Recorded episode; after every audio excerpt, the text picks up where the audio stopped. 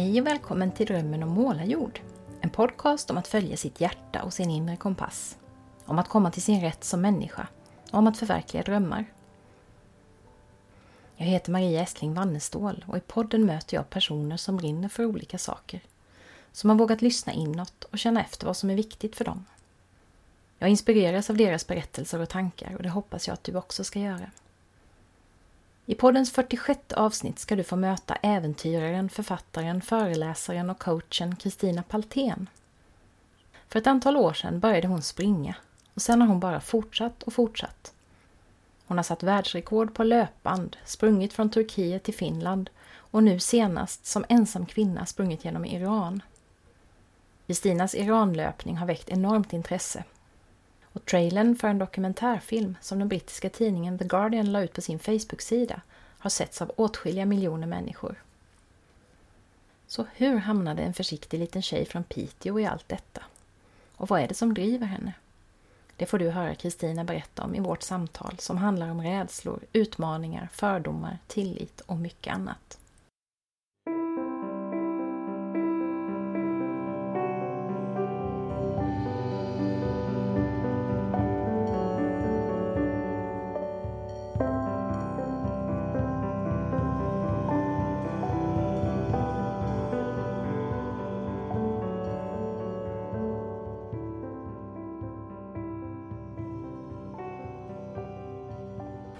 Första fråga till dig är väl egentligen vem du är. Eh, För jag tänker så här när jag läser om dig och lyssnar på när du pratar och sådär. Så tänker jag modig, smågalen och med en väldigt tydlig inre kompass. Det är min uppfattning om dig Mm. efter vad jag har läst och, och lyssnat på. Och den här podden handlar ju om det där, att följa sin Mm. kompass. Och det känns ju som att det, den pekar ganska tydligt Jo. i ditt fall. Stämmer det eller har du? Jo, jag har till och med kompass som min företagslogga. Så, så min syster har gjort ett halsband vad också i silver som Oj. är en kompass. Och det är ju att hitta min väg Ja. och följa den. Och, men vem är jag? Det är ju en väldigt filosofisk fråga. Jo, ja, då kan man fråga sig, definieras jag av mitt ursprung? Mm. Ja, i så fall är jag från Piteå. Mm. Jag är 46 år snart. Och barn till mamma och pappa, eller på. Nej, men svetsare och eh, en tjänsteman Ja. i Piteå.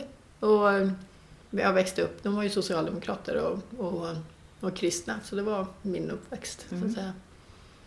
Men jag vet inte om vårt ursprung definierar oss direkt, utan det är ju mycket mer. Ja, men vem är jag? Ja, men det är väl...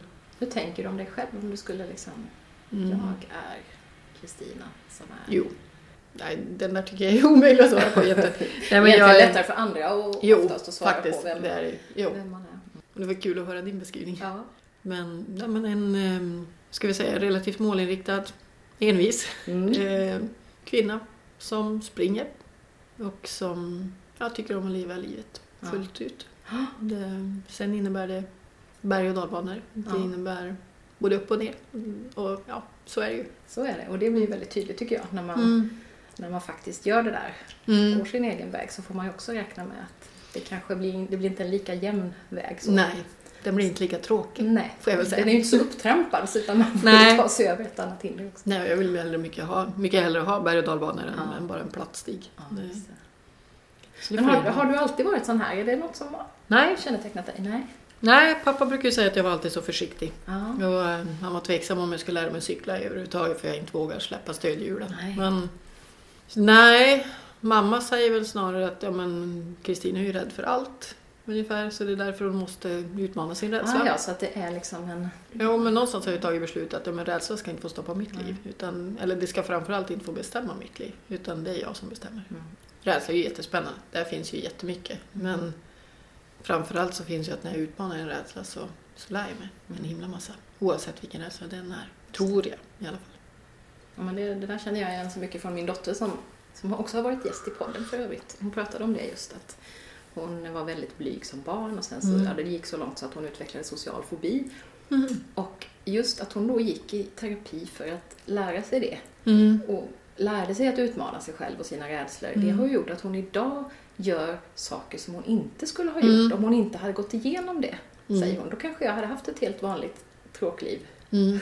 Ja. Eh, Men nu bara för att det var så jobbigt och hon ville ta sig ur det så, så lärde hon sig redan Mm. utmaningarna. Så det tycker jag är väldigt Jo. spännande just att ja, rädsla är Mm. liksom inget negativt utan det är någonting Nej. som kan eh, hjälpa oss att komma vidare när vi bara Jag ser- vågar. Som sagt, det finns jättemånga dimensioner på rädsla. Men jag tänker rädsla inför att springa genom Iran så var jag ju rädd. Mm. Men den formen av rädsla är ju bra så länge den inte begränsar mig. Mm. Utan det den framförallt gör det är att den hjälper mig att förbereda mig. Mm. Om jag är rädd för att bli påkörd av trafiken, ja men då snor jag min sambos dotters cykelpinne Ja. som är två meter hög och sätter fast den på barnvagnen jag springer med. Och så Ja. syns jag. Så sätter jag en svensk flagga på den också så blir det ännu roligare. Ja, så rädsla som förbereder, Ja, alltså hjälper mig. Den- Så att inte man gör de här fullkomligt vansinniga Nej, sakerna. Utan det finns ju de som- Ändå. Gör illa sig. Ja, Det är ju ja. skönt att slippa det. Visst. Och idag så är du ju äventyrare på heltid kan man väl säga Ja. eftersom du använder, ja sen använder du ditt äventyrarliv i annan form. Du Mm. skriver och du föreläser och coachar och sådär men det är ändå det som är grunden. Men det Mm. har du inte hållit på med så länge, eller hur? Nej, egentligen. Jag bad ju om att bli uppsagd från Ericsson precis innan jag åkte iväg till Iran. Mm. Och eh, då hade jag jobbat 18 år som civilingenjör och tyckte ju det var bra i och för sig. Liksom. Mm. Men det jag tyckte var roligt det var ju egentligen att, att inspirera människor och att hjälpa dem hitta vad tycker de är kul i sitt Mm. liv. Och det gjorde jag på Ericsson. Jag höll, jag vet inte hur många, jag tror jag höll över 60 föredrag på Okej. Ericsson. Mm. Men det var ju vid sidan av mitt vanliga projektledarjobb. Så att jag fick ju göra både projektledarjobbet och hålla de här föredragen. Mm. Och coacha människor. Och, och, det blir ju, och så sen hade jag mitt eget bolag vid sidan av. Och så skulle jag springa 10-12 mil per vecka och till slut så blir det ju ohållbart. Ja. Det går ju ut. Så jag försökte hitta ett jobb på Ericsson där jag skulle kunna göra det jag ville. För jag ville gärna vara kvar. Men till slut så när jag letade och letade och letade och inser att det går inte, det finns inte. Mm. Då, blir, då blev ju frågan att jaha, ska jag sitta i 18 år till och göra ett jobb som jag tycker är tråkigt? Och det var ju ett ganska enkelt svar Mm. på sitt sätt. Nej, mitt liv är mer värt Mm. än det. Jag tänker faktiskt ha roligt. Sen var det ju, jag får väl säga jag var ju inte så modig att jag sa upp mig själv utan det kom ju ett varsel. Mm. Och då bad jag min chef säga upp mig. Och så gjorde han det och sen blev jag jättearg på honom. För då vart jag ju rädd. Ja. Men jag visste ju ändå att ja, men det är rätt. Mm. Det är ju det jag vill. Mm. Så det blev bra. Ja, och det är väl många som har upplevt det där just att man har fått hjälp att komma loss tack vare Mm. en uppsägning. Det har jag Jo. vänner som har suttit i sådana situationer Jo, och det är ju ett otroligt förmånligt och där får jag ju verkligen ge en eloge till Ericsson. Ja. Alltså att få med sig en bunt pengar, veta att jag klarar mig ett tag, jag har Ja. chans att starta mitt eget. Jag kan driva det ett visst tid. Sen, okej, jag måste ju dra in pengar sen liksom, men Startkapital i Ja, alla fall. Så. och det är ju fantastiskt. Och jag vet inte hur många bolag som Ericsson Nej. skulle jag säga faktiskt har startat på det sättet via de människor som Ja, har blivit uppsagda. Men genom att de har gjort så förmånliga villkor. Så det är ju riktigt bra. Ja, det är fantastiskt. Det är lite som mina läromedelspengar som fortsätter ticka in ett tag till sådär. Så Ja. man kan få den där Mm. övergången inte fullkomligt Mm. abrupt och kasta sig rakt ut Ja. och inte ha någonting. Det kan ju vara rätt så tufft. Sen är ju den här Iran-löpningen, det är väl din mest spektakulära eh, Mm. händelse. Men du har ju gjort massa andra saker innan också. Löpt och Mm. paddlat och seglat långt och sådär. Men Jo. hur började allt detta då? Allt började egentligen med att en kompis utmanade mig på Tjejmilen när jag var 31 år. Så så odramatisk kan det vara. Då hade jag aldrig sprungit. Och jag spelade fotboll som barn men jag tyckte att springa det var ju skittråkigt. Ja. Men hon utmanade mig på den där och, och vi gjorde den. Och när jag kom i mål så upptäckte jag men det där var ju, det var ju riktigt roligt. Mm. Och så kom ju tanken, men kan jag springa lite längre? Och så helgen efter faktiskt var jag ute och sprang 15 kilometer och då brände det ju i vaden och jag tyckte det var skitjobbigt. Och, men eh, ja, det fanns någon lockelse där så då vart det längre och längre. Mm. Och så sen tror jag faktiskt mest betydelsefulla med löpningen har ju varit att, att utveckla ett tankesätt. Ungefär som din dotter tänker. Mm. Att, jag menar, nu ska jag springa mitt första ultra. Ultra är ju allt som är längre än maraton. Ja. Ja, men det är klart jag är rädd. Jag tror att det ska göra ont, jag tror att det ska bli jobbigt och så vidare. Men ska jag låta rädslan begränsa? Nej, jag vill ju göra det där ultrat. Då behöver jag gå igenom rädslan, så att säga. Och se att det faktiskt funkar. Mm. Och så sen när det funkar, ja, men då föder jag mig ju med det som gick bra, så att säga. Så att mycket med ultra har ju varit att bygga upp en mental inställning som fungerar.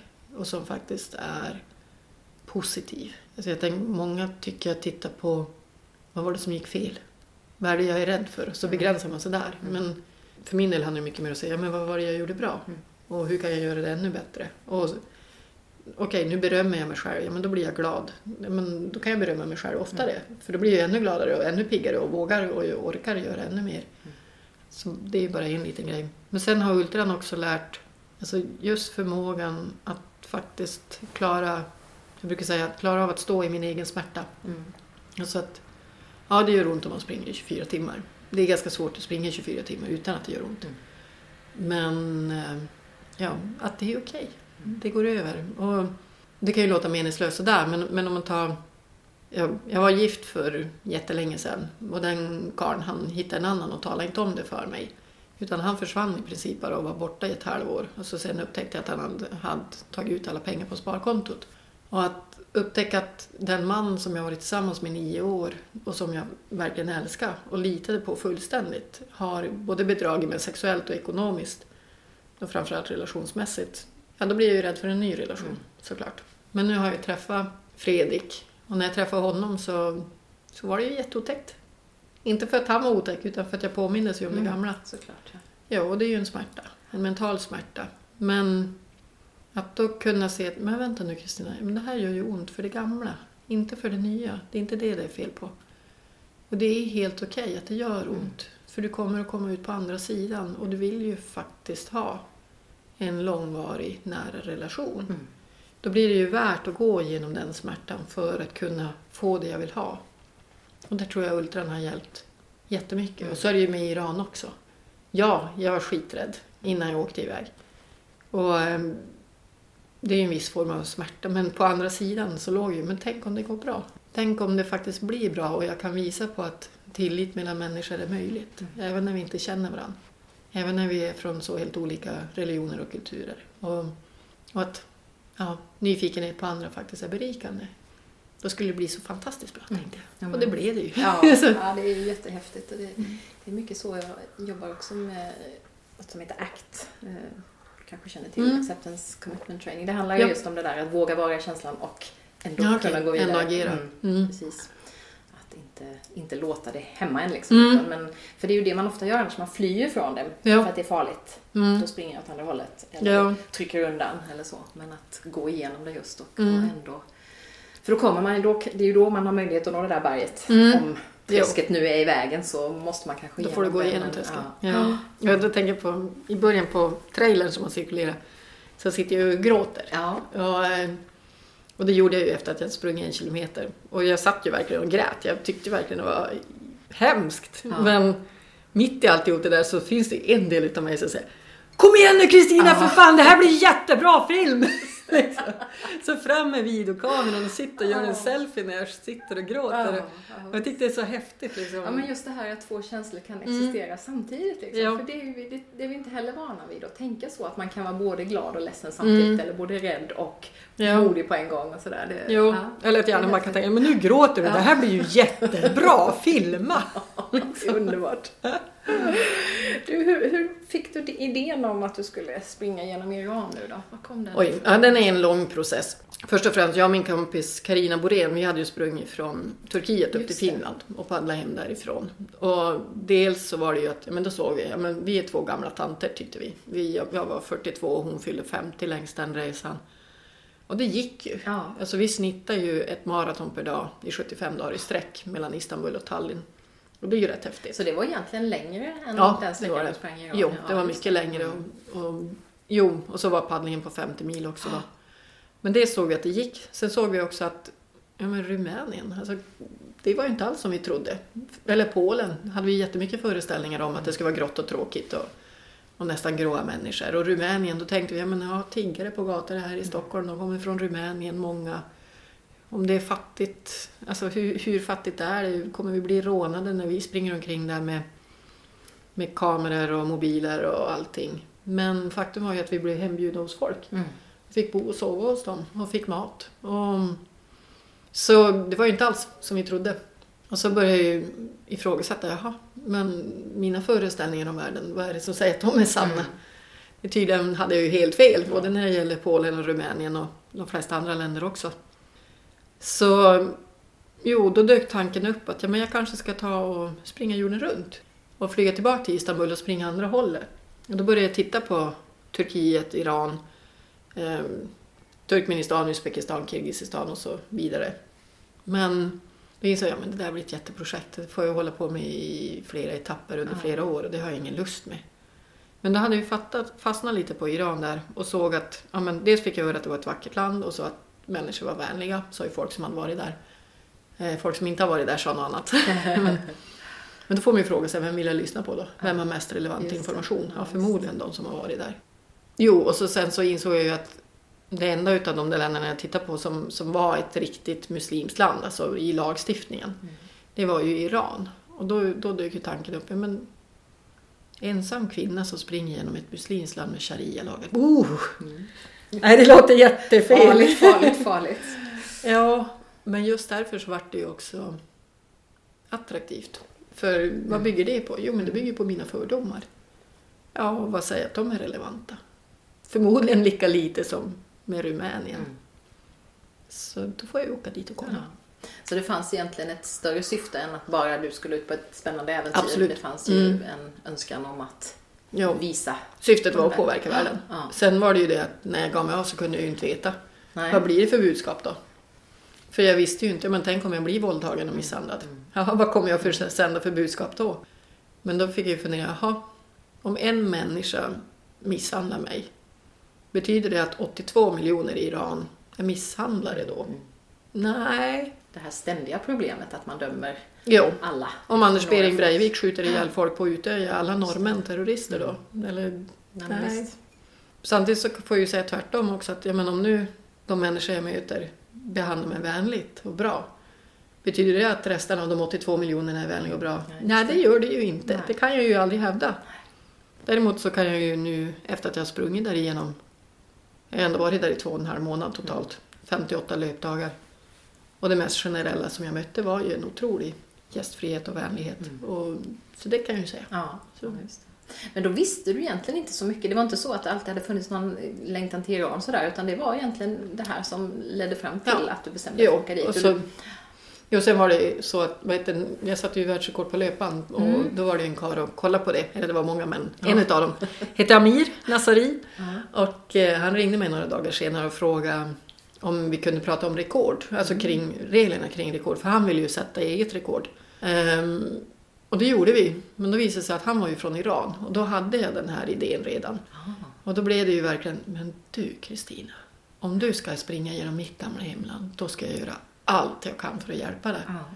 Och det var ju helt suveränt. Han har ju stött mig hela vägen. Ja. Och, men bara att kunna åka till ambassaden här i Stockholm och, och så pratar han persiska med dem och kan förklara vad jag vill. Och ja, kunna förklara vad är sedvänjor, vad är lagar, vad, vad behöver jag tänka på, vilken väg ska jag ta? Och, ja, allt det har ju han hjälpt till med. Mm. Plus att han ringde mig ett antal gånger när jag var där och, och frågade hur det gick. Och. Så kunde jag gråta en skvätt ibland och Ja. fråga vad ska jag göra nu? Just det. Ja, så att, hur förberedde du dig då? Du hade honom till hjälp med det här rent formella med visum och, och sådana saker. Men eh, Mm.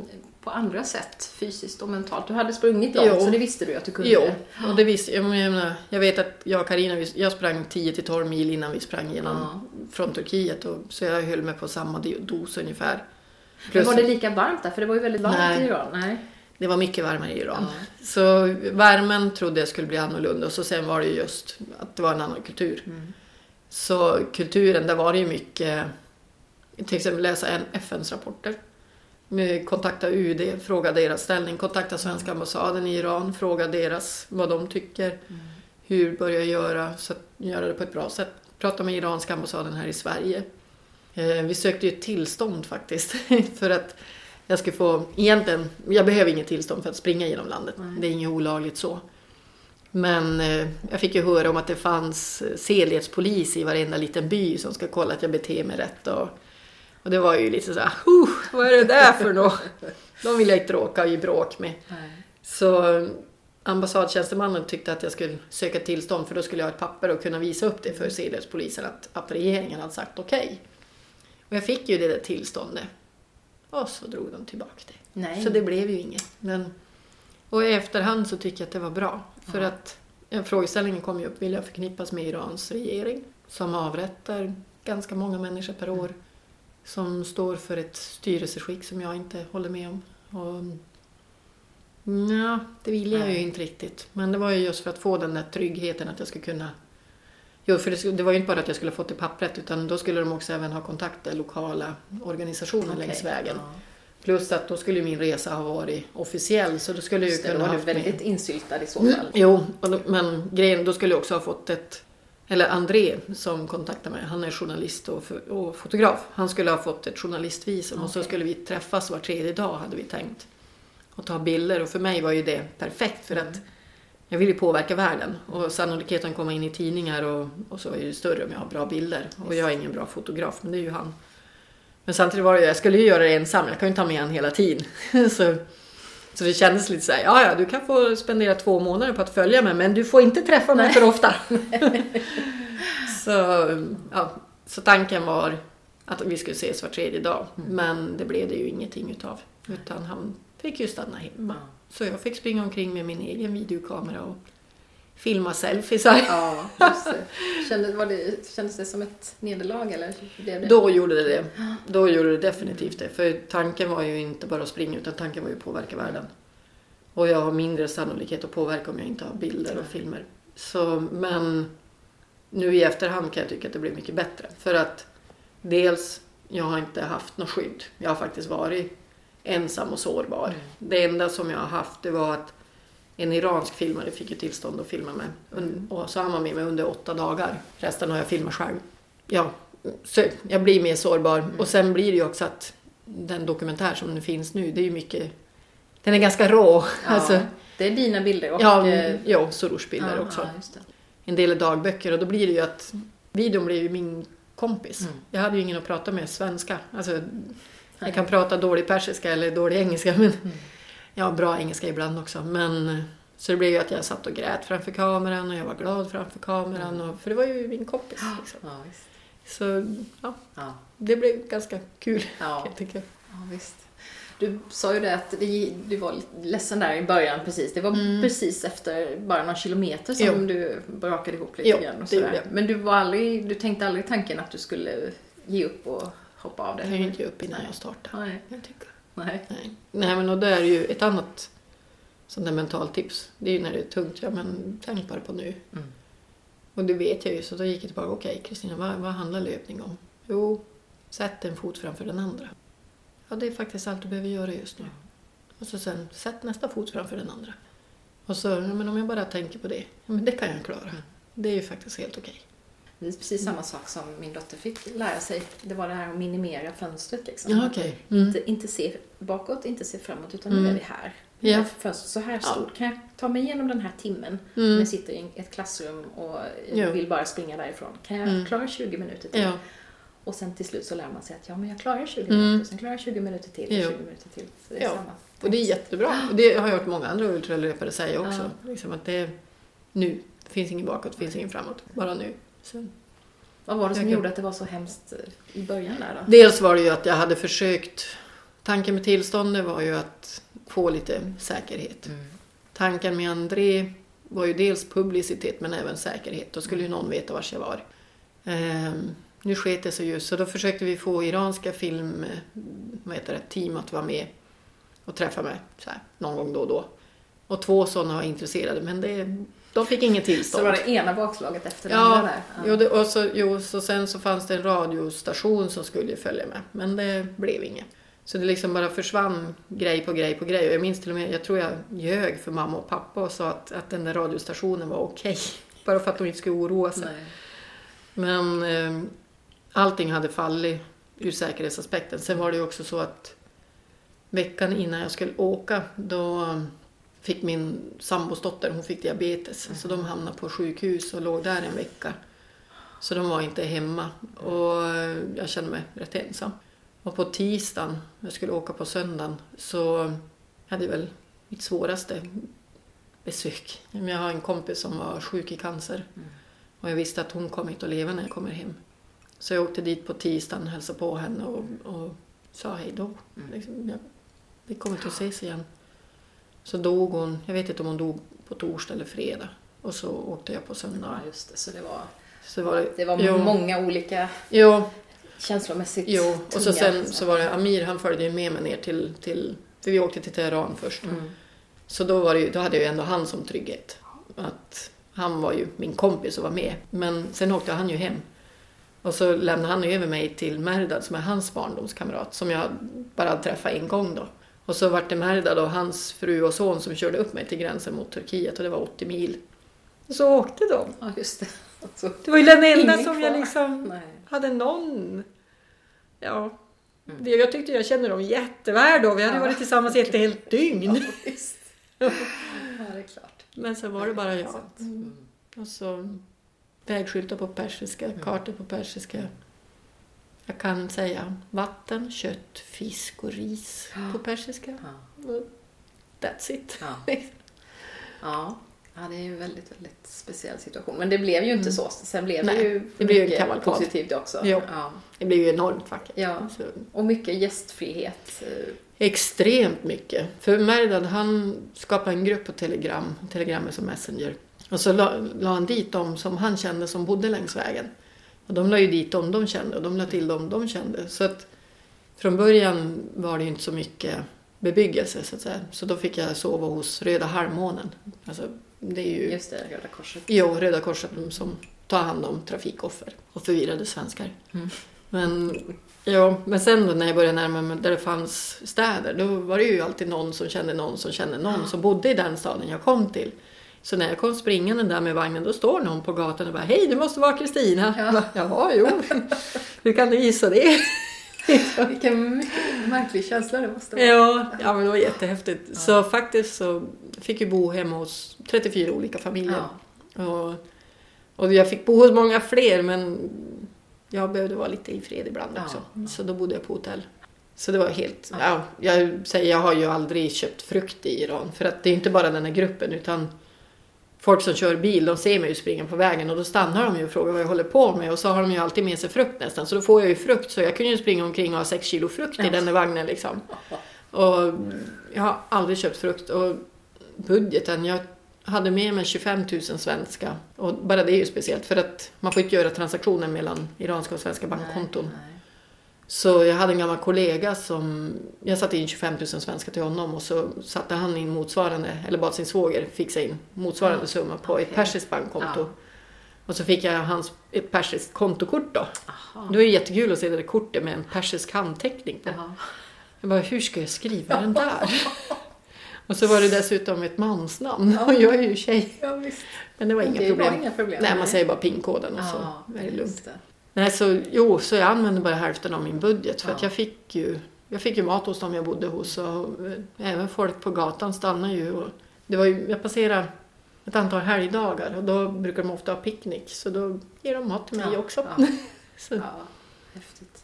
Så i den här vagnen, för du, du hade kläder och, Mm. men du hade liksom inte mat för flera dagar och sådär? Du Nej, från att det I början var det ju ett tag. 45 graders varmt Ja. så det går ju inte. Det blir ju dåligt. Och, nej, utan det jag hade gjort med kartan, jag kollade att det finns städer med tillräckligt Mm. nära avstånd Ja, så att säga. Eller byar åtminstone så jag kan hitta saker att köpa Mm. och äta. Sen behövde jag ju inte köpa så mycket, jag fick Nej. det mesta. Ja. När du kom fram, hur var det? Efter Oj, långa Jättemärkligt. målet och... Mm. Då var det verkligen tusen känslor genom kroppen på en gång. Dels, jaha, är det över nu? Mm. Ska jag sluta? Och så, ja men har jag åstadkommit någonting då? Och samtidigt är det en enorm glädje för nu visste jag, men det gick ju bra. Ja. Det gick inte bara bra, det gick fantastiskt bra. Och ja, vad händer nu? Jättemärkligt. Ja. Och, och så är det ju så märkligt just det att ja, men springa genom ett land, då sätter man en fot framför den andra i en oändlig följd. Liksom. Och så sen när, det kom, när jag kom fram till grinden där då, mot gränsen, jaha, ja då stannar jag väl då. Och så vänder jag mig om och så går jag tillbaka åt andra hållet. Ja, men jag gör ju samma sak, Ja, men, ja, visst. men jag är klar. Det var så absurt. Ja. Men sen var det ju så gulligt för i Iran är det ju mycket så att man litar till sin familj, men man litar inte så mycket på andra. Och, men rent krasst, det finns ingen arbetslöshetsförsäkring utan blir du arbetslös så är det din familj som försörjer det. Mm. Och är du sjuk så är det din familj som tar hand om det. Och familjen är ju inte bara kärnfamiljen utan den är ju större. Så eh, varje gång jag lämnade en iransk familj så fick jag alltid ett antal sms med Åh, vi är så oroliga och hur ska det gå för dig? Och jag tyckte, men varför det? Nästan familj är ju precis lika trevliga som ni. Men eh, ja, tydligen så litar man inte så mycket på varandra. borta. Så det finns inte så mycket tillit Nej, inom... mellan familjerna, Nej. nej. Nej, och det kan jag tycka inte är jättekonstigt för det finns ju faktiskt agenter som spionerar på sin egen befolkning. Du vet ju inte vem, vem, vem rapporterar till det Kan polisen. du lita på? Nej, så det, det är ju inte konstigt. Men nu fick folk ju se att men, kolla den här tjejen hon springer från hus till hus till hus till familj till familj och är trygg. Mm. Och till och med en familj var så glad över det som hände att de hyrde en restaurang i Teheran och bjöd in alla familjer jag fått bo hos. Nej. För att de ville fira sig själva för att de tyckte det var så fantastiskt att de var så vänliga och så ja, ja, gästfria. Och så bjöd de in mig också såklart och så fick, de, fick jag ett brev som, som var så vackert så jag grät. Ja. så, men det slutade med If you as an outsider can trust us then we can also trust and rely on ourselves. Ja, And you gave us a better world and we are grateful for that. fantastiskt.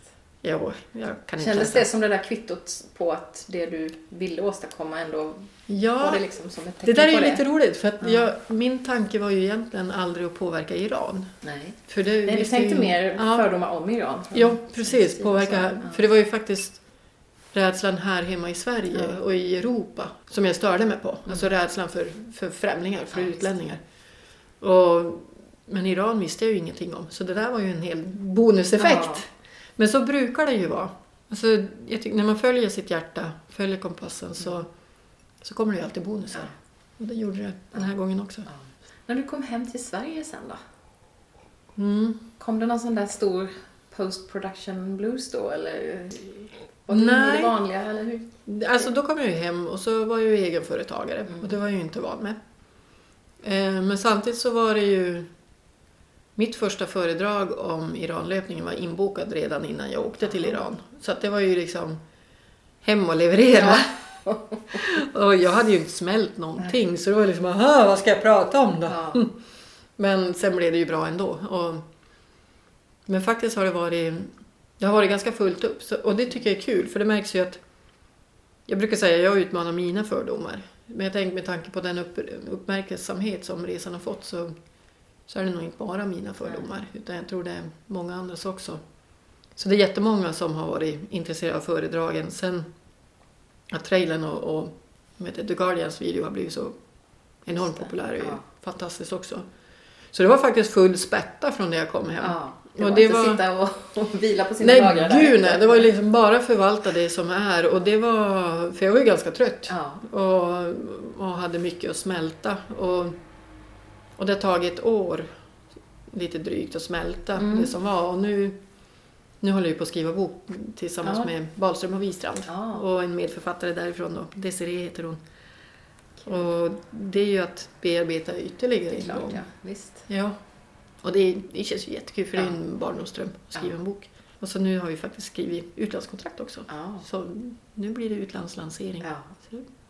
Vad tycker du att du, alltså, vad har du nu tar det tog lång tid att smälta så, men vad av det du upplevde har du liksom tagit med in i din Mm. vardag vad gäller, jag tänker om man har förändrat, ja såklart synen på Iran, är Mm. det centrala Ja. kanske, men självklart. vad finns det mer som du har tagit med dig, tycker du? Ja, jättemycket filosofier.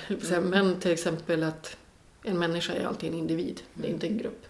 Det går inte, jag menar jag såg, jaha, om jag åker väl till Iran, det är väl en grupp med människor. En grå klubb. Jaha, 82 miljoner människor. Om jag tar Sveriges 10 miljoner, ska jag säga att de 10 miljonerna i Sverige är en grå klubb? Ja. Nej, jag skulle säga att det är ganska olika människor. Och det är ju precis samma sak i Iran såklart. Det är ju bara löjligt att tro något annat. Ja, ja, visst. Så, att, ja, så att, att det är alltid individen som har ansvar. Det är inte gruppen. Jag kan aldrig skylla något på en grupp. Sen också att... Jo, en grej som jag tar med mig väldigt starkt det var när vi släppte trailern inför dokumentären så fick den, jag tror den ligger på 16 miljoner visningar idag. Och det kom enormt mycket positiva kommentarer. Dels om, om människorna i Iran och om godheten i världen. Och så, men sen också positiva kommentarer om mig. Mm. Och, och jag hade svårt att ta det där först. För det var liksom... Nej, ja, jag vet inte. Det, Mm. Jag hade svårt att ta emot. Men visst en del utav mig tog ju emot och kände ja, jag gjorde någonting bra. Ja. Det var faktiskt en modig kvinna som, som gjorde någonting som inte så många andra vågade. Eh, men samtidigt så kom jag ju hem och jag var trött och jag hade levt singel i 12 år. Jag flyttade ihop med min sambo precis innan och han har tre barn. De hade två katter. Medan barnen där varannan vecka. Så vi, menar, vi vill inte ha ett pautahus om vi är två varannan vecka. Liksom. Så att vi köpte ett kanske lite för litet hus. Och mitt största problem i Iran var att jag sällan fick vara i fred och det är ju precis samma problem hemma. Och så upptäckte jag att jaha, när inte jag tar mig rätten att vara i fred, vilket jag faktiskt behöver, då börjar jag sopa ner katterna från köksbordet på golvet. Ganska hårdhänt. Och dessutom så blir jag ja, elak, verbalt, mot hans barn. Liksom, ironisk. Och jag hade så alltså svårt att se att jaha, den där kvinnan som ger sig på barn och katter, det vill säga de som är mindre, de som är beroende, de som är försvarslösa. Oh, vilket monster. Det- Hon är, samma, hon är samma person som blir hyllad av ett antal tusen liksom, på Facebook. Och det var svårt. Det var riktigt svårt faktiskt. Men där är ju insikten att ja, men vi har ju alla vi har förmågan att göra gott, vi har förmågan att göra ont. Mm. Och det är faktiskt vi själva som bestämmer. Det är inte svårare än så. Nej. Och det är svårt. För att, för att jag ska kunna vara god i min vardag så måste jag ju se till att jag till exempel har det, mitt ensamhetsbehov uppfyllt. För annars blir jag ju elak. Ja. Och, och då blir jag ju en person jag inte vill vara. Nej.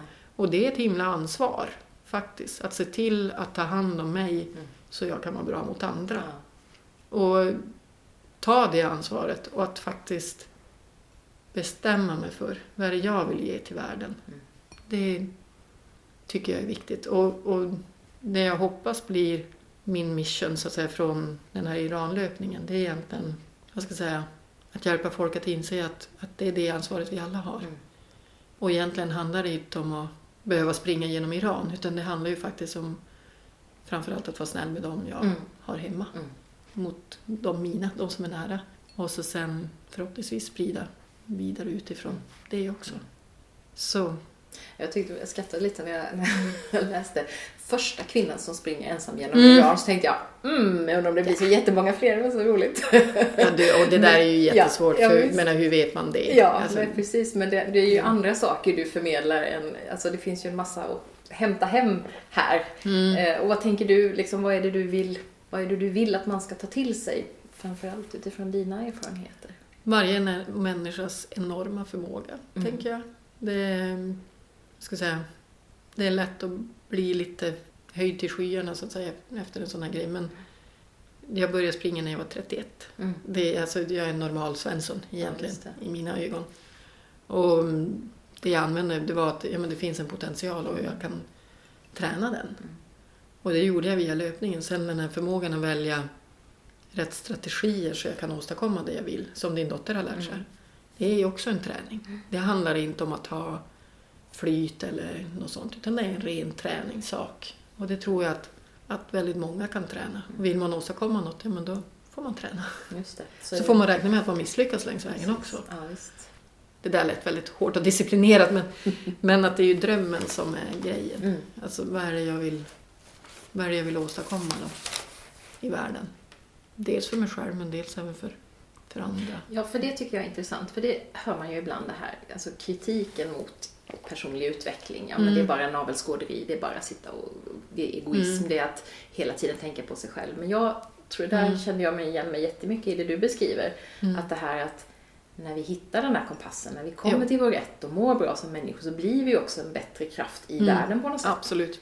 För vi sprider energi, vi sprider Jo. inspiration, vi orkar ta tag i saker på ett Jo. annat sätt än när man springer i ett ekorrhjul och inte Mm. har ork för någon annan än Nej, jag är starkt tvärtom den påståendet. Ja. Alltså, du kan ju bara spring, sprida gott om du mår gott i dig själv. Mm.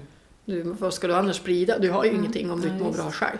Så må bra själv och sprid ifrån det. Och så sen, jag tror ju att inre växt och yttre växt hör samman. Mm. Alltså att, för min del har ju löpningen varit jättemycket personlig utveckling. Men sen när jag kom till ett stadium där jag kände, ja, men nu känner jag mig ganska nöjd om man får säga så. Då kommer ju frågan, ja men vad är det jag vill bidra med då? Vad vill jag ge till världen? Mm. som är unikt mig. Och då, det är ju då vi är inne på att göra Mm. världen en bättre plats. För jag tror inte att det finns en människa som, som mår bra, som vill illa. Nej. Det existerar på min planet. Och det är också så häftigt det här tycker jag att kunna, att kunna ta det som är ens egen förmåga eller styrka Mm. eller intresse som i ditt fall löpningen. Jo, Jag har tagit andra saker som jag är bra på. Alltså just det här att Mm. ja, men jag kan bidra med min pusselbit utifrån det Jo, min precis. grej. Alla behöver inte göra samma sak. nej gud nej. alla- Nej, det skulle ju inte funka. Det skulle ju inte funka, men Mm. ibland får man lite så här, ja men det där är, vi pratade om det i något annat poddsamtal, att vissa rädda världen-grejer är lite finare än andra eller så. Men, men Mm. just det här att vi kan alla, Mm. vi kan alla bidra utifrån det och det är då vi blir en god kraft i världen, Jo, när vi får hålla precis. på med det vi tycker är roligt. För då kan vi också gå all in i det på Mm. något sätt. Och, och Om det sen mycket. handlar om att ta hand om barn på dagis eller om det Ja, precis. handlar om att springa inom Iran, det spelar Ja, ingen roll. Nej, Det håller jag absolut hitta, med. Hitta sin grej där. Ja, Jo, och det är det som är kompassen Ja. i min, att, Ja. att följa sitt hjärta. precis. För det jag vill, det finns ju där inne. Jag behöver bara lyssna. Mm. Det är inte alltid lätt. Nej, Men det är inte alltid lätt. Nej. Man kan träna, precis som absolut, du sa med. det kan man göra. Man kan träna på det mesta, även att lyssna på den. Ja, precis. Ja. Eh, Du, du har ju skrivit en bok redan också Mm. om mental träning. Hur, hur fick du tanken att du skulle skriva en, en bok? Finns Jo. det inte hundra sådana redan? Ja, Nej, men dels var det ju, jag visste ju då att jag förmodligen skulle springa genom Iran. Mm. Och jag tänkte, ja men det vill jag skriva en bok om. Då tänkte jag ju som vanligt, ja men då behöver jag ju öva. Ja! Så, jo, så satte jag det där 48 timmars världsrekordet på löpband. Mm. Och, och så tänkte jag, men det vore kul att skriva en bok om den. Och egentligen så var jag lite så här, ja, men det skulle ju nästan vara roligare att skriva en bok om jag misslyckas. Ja. För då blir det ju liksom mer intressant. Men, men samtidigt var jag, men du kan ju, du kan ju inte sätta, alltså, gå in med målsättningen att du ska misslyckas, skärp dig. Så, så jag satte ju det där världsrekordet och så är ju boken då en, ja vad ska jag säga, det som är huvudtanken med den, det är egentligen att visa på en mental inställning. Sen om jag tillämpar den på löpning eller om jag tillämpar den på mitt jobb eller om jag tillämpar den på att hålla föredrag, det tycker jag spelar mindre roll. Men till exempel det här att vara i nuet, att det, det är en strategi som funkar oavsett vad det är jag vill nå i princip. Okej, jag måste ju ha en plan också om jag nu ska ta mig någonstans, så att säga. Men att när jag utför planen så befinner jag mig i nuet. Ja, för det tycker jag är jätteintressant. När man pratar om mål så pratar Mm. man ju ofta väldigt mycket om målet och Ja. vägen dit och, och sen så, ja, ibland missar man liksom Mm. resan dit också just för att Ja. man är så extremt fokuserad på det där, Mm. där framme, det där berget på andra sidan träsket. Men det är ju också det där att kunna Mm. uppleva, njuta, faktiskt Jo. upptäcka att "Nej, men titta här var en spännande dörr Jo. som öppnar sig dit. För det Mm. tycker jag ibland när man hör mycket om det här med mål, att de ska vara så extremt eh, så. Det Mm. kan ju vara bra i vissa sammanhang men ibland kan jag känna att det här extremt målfokuserade kan också göra att man missar Jo, spännande tunnel. sidovägar som Mm. kanske Jo, inte... och jag brukar säga att det är en mix egentligen. Men som till exempel att sätta 48 timmars världsrekord för mig, det är ju ett ganska extremt hårt och Ja, visst. fokuserat mål. Men samtidigt så in, det var, bland annat så kom det en kvinna som heter Shahin på den och gav mig en ask som var från Iran. För hon tyckte det var så häftigt det jag gjorde Mm. när jag satte det rekordet. Och så la hon ut på Facebook till sina väninnor i Iran om mig. Mm. Och det födde ju ännu mer tanken om Iran. Och så sen så träffade jag Amir då efter det rekordet. Så Just det födde det. ju ännu mer. Så där kommer det ju en sån här sidoväg som... Precis, som inte kanske var så tydlig från Nej, som absolut dyker upp inte. För att man då är öppen för det och för Jo. att man faktiskt är här och nu Mm. och inte bara där borta. liksom. Nej, och jag, så jag, jag tror det är en kombination av både och. Mm. Dels att ha högt uppsatta konkreta, exakta mål och lämna vägen öppen för ja, det där som uppstår längs med. Och kunna ta den där och se, oh, vad ligger bakom det Ja, hörnet? visst. Och det är så spännande också för det kan ju verka helt absurt. Det kan ju Mm. vara så här, nej men det här är ju inte det, hallå, jag är på väg dit och så nu, ja men det kanske Mm. var den där lilla detouren jag skulle göra för att det skulle bli ännu bättre där framme. liksom. Ja, och för mig var det helt absurt att jag skulle Ja. börja springa. Jag fattar inte varför ska jag göra det. Nej. Men det blev ju bra. Så- Ha, har du några nya eh, vilda projekt Mm. på gång nu eller vad ska du göra? Ja, näst? inga vilda. Eller ja, vilda, jo, men det är väl, jag menar, skriva en bok och lansera Ja, den runt jorden, det är ju ganska, det är ju ett ganska äventyr. Ja, faktiskt ja. i sig. Även om det inte är ett fysiskt projekt. Nej. Däremot behöver jag springa för att klara att springa bo, skriva boken. För jag behöver kunna vara kreativ och koncentrera mig. Men jo, men sen det, jo, det allra närmaste, det är klart jag har en massa små idéer. Men det allra närmaste det är egentligen, jag ska göra ett sexdagarslopp i Ungern Mm. 4-10 maj. Så det blir ju spännande. Ja. Det har jag aldrig Alltså då springer vi på en en kilometers bana på en campingplats Aha, runt, runt, runt i oj. sex dygn och så får vi se hur långt de kommer. Ja. Det är det som är grejen. Hur, hur, alltså, hur, det verkar ju dödens tråkigt och... Mm. Mm. Men, Jo, men det är det som är den det mentala slags kampen. meditation i det kanske? Ja, dels är det ju det. Och så sen blir det ju att, visst, det hänger ju på din fysik, men jag skulle säga det hänger ännu mer på din mentala inställning. Så det är ju en enorm träning i mental inställning. Ja, det. Så det är ju Spännande. Jag tänkte på det också, när, när du springer, har du, lyssnar du, har du saker i lurarna? nästan aldrig Nej. faktiskt. Utan Det är jag, just nu är det jättemycket fåglar, Mm. så då lyssnar jag på dem. Nej, men jag är mer så oh, titta en blåsippa, åh Ja. vad fin den är. Och Vitsipper redan! Och även i ett sånt lopp när man springer och det inte kommer någonting nytt utan man ser samma saker. Men då kanske det blir just eh, tankar och... Mm. Till slut försvinner ju tankarna och det är ganska skönt. Mm. Då blir det ju det meditativa tillståndet. Men sen kan det vara kul att, att variera. Som på 48 timmars då hade jag ju dels tittat ju på Harry Potter och så lyssnade jag på schlagermusik och så och så sen emellanåt så var det tyst och då var det ju skönt så. Mm. Så variation tror jag på. För att klara sådana grejer då. Men det är ju, ja. En annan sak jag tänkte på det är det här när man gör sådana här grejer eh, som du har gjort mycket, eh, Mm. gått din egen väg, gjort saker som inte alla andra gör. Det kan ju innebära att man får ta en del obekväma beslut också Mm. emellanåt. Att man kanske sårar någon eller man gör Mm. någon, jag tänker här måste ju folk ha varit oroliga i din Mm. familj och sådär. Jo. Det har vi pratat om i podden en hel del det här att det är inte, vi var ju inne på det där med berg och dalbanan där också, det är ju en Mm. del av det. Ja. Att man ibland måste Jo, göra men det som inte är så Det bekvämt. jobbigaste som jag hade, det var två situationer som var jobbiga. Dels var det min syster som ringde och frågade hur jag tyckte att hon skulle ta hand om, henne, om mammas och pappas oro Mm. om jag aldrig kom tillbaka igen. Och till saken så är att syrran bor sju kilometer från mamma och pappa Mm. och jag bor 90 mil ifrån. Så det är ju liksom alltid hon Det är som klart hon tar.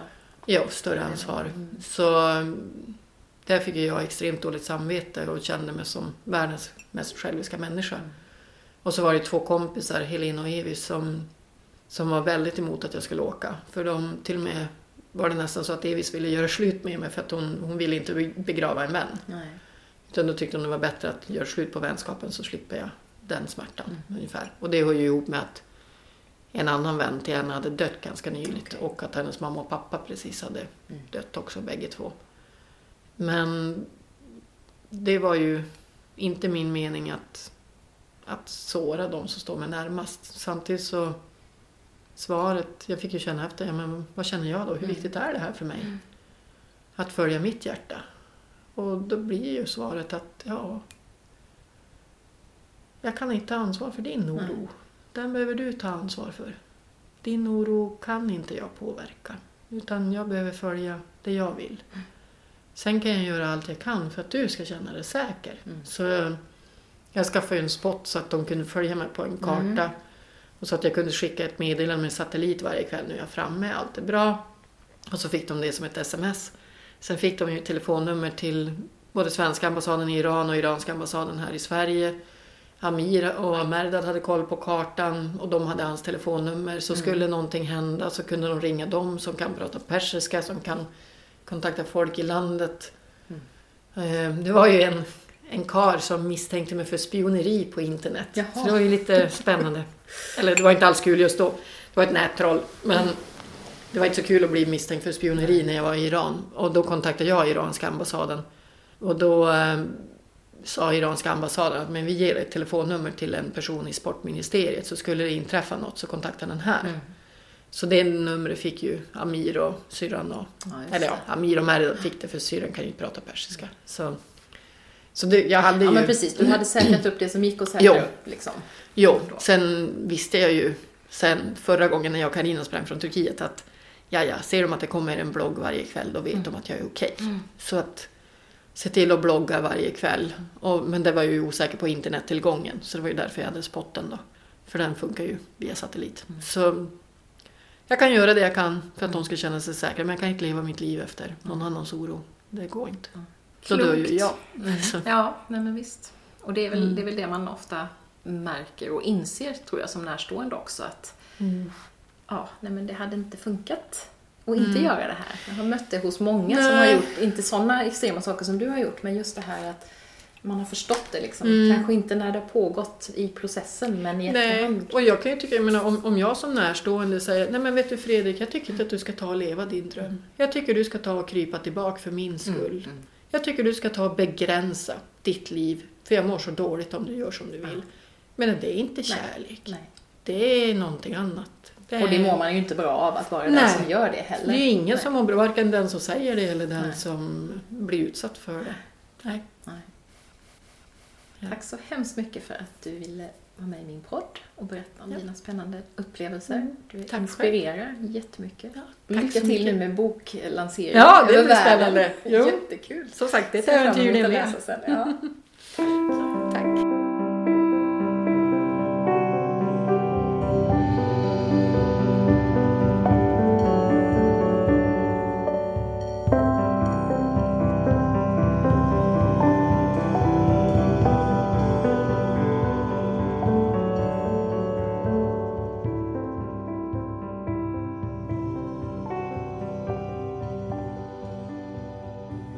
läsa mer om Kristina och titta på trailern från dokumentären vi pratar om på www.palten.se.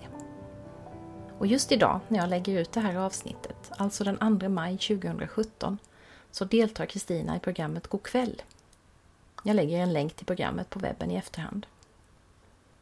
Tillit är ju någonting som vi pratar mycket om i vårt samtal. Och den är viktig på så många plan, när vi vågar utmana oss och möta våra rädslor. Tilliten till andra människor. Tilliten till vår egen förmåga. Tilliten till att det blir som det ska. Att vi får hjälp med det vi behöver. Utan tillit blir det svårt att följa sin inre röst och gå sin egen väg. Då är det så mycket lättare att trampa vidare på kända stigar, göra som alla andra, utan att reflektera över om det faktiskt är så man vill ha det. Om man gör det som är viktigt för en. Vi kommer att prata mer om tillit i ett senare poddsamtal med Stina Balkfors, en av grundarna till Tillitsverket. Kristinas äventyr är förstås något utöver det vanliga. Men det jag tycker är så inspirerande är detta att vi alla kan så mycket mer än vi tror. Att vi kan lära, träna och utvecklas inom ett område vi blir nyfikna på. Och framförallt att vi alla kan påverka våra liv om vi bara vågar ta reda på vad som är viktigt för just oss. Kristina var ju faktiskt en helt vanlig tjej som började springa efter 30 och som följer just sin inre kompass och gör det som är viktigt för henne. Hon har tränat och tränat, både på att springa och på att lyssna inåt. Och den där träningen i att lyssna inåt kan vi få hjälp med. Kristina jobbar ju själv med att inspirera andra, precis som Katinka Wallner som var min gäst i förra avsnittet av podden och flera andra av mina tidigare poddgäster. Du hittar alla samtal på www www.dromenommmalajord.se Jag jobbar också med att hjälpa andra att träna sig i att följa sin inre kompass. Det är exempelvis temat för en härlig kursvecka på Grimslövs folkhögskola veckan efter midsommar. Och efter sommaren drar jag igång onlinekursen som jag har provkört med ett gäng försökskaniner som jag hittade bland mina poddlyssnare. Jag kommer också att erbjuda ett mentorsprogram för den som behöver lite mer individuell vägledning. Allt detta kan du läsa mer om på webben. Men innan vi avslutar det här poddavsnittet skulle jag vilja förmedla en fin och intressant tanke som dök upp i mitt sociala medieflöde igår från en av mina tidigare poddgäster, Anna Lovind. Så här skriver Anna. What do you need to feel safe enough to move forward? This question has become more and more important to me in work and in life. Most of the time, I'm not fearless. Often I hurt myself when I face my fears or do it anyway, because pushing through does that to you, unless coupled with awareness and self compassion. So I ask myself this question, and I try to respect what I hear in response, to understand that it's not weakness speaking, it's wisdom. It's what will allow me to keep moving forward sustainably. Maybe not as fast as I wish to go, but that doesn't matter. Sustainability matters, kindness matters, feeling safe enough to flow, that matters. Anna förmedlar att det inte måste handla om att vilt kasta sig ut och trotsa sina rädslor, utan att ta reda på och respektera vad just jag behöver för att våga utmana mig. Och att ha medkänsla med mig själv och min rädsla. Precis som Kristina Paltén gjorde inför och under sitt stora äventyr. Precis som jag har gjort under min resa från den trygga tillvaron på universitetet. Det kanske tar lite tid, men det är värt det. Då blir kompassnavigerandet hållbart, precis som Anna Lovind uttrycker det. I nästa poddavsnitt ska vi bland annat prata om ett annat av mina favoritämnen, tro och vetande. Jag möter prästen Ann-Sofie Färdig, en härlig färgklick i kyrkans värld. En värld som många, liksom jag, kanske upplever som lite stel och regelstyrd ibland. Lyssna på vårt samtal så ska du få höra hur Ann-Sofie följer sin inre kompass. Tack för att du har lyssnat idag och välkommen tillbaka. Hejdå!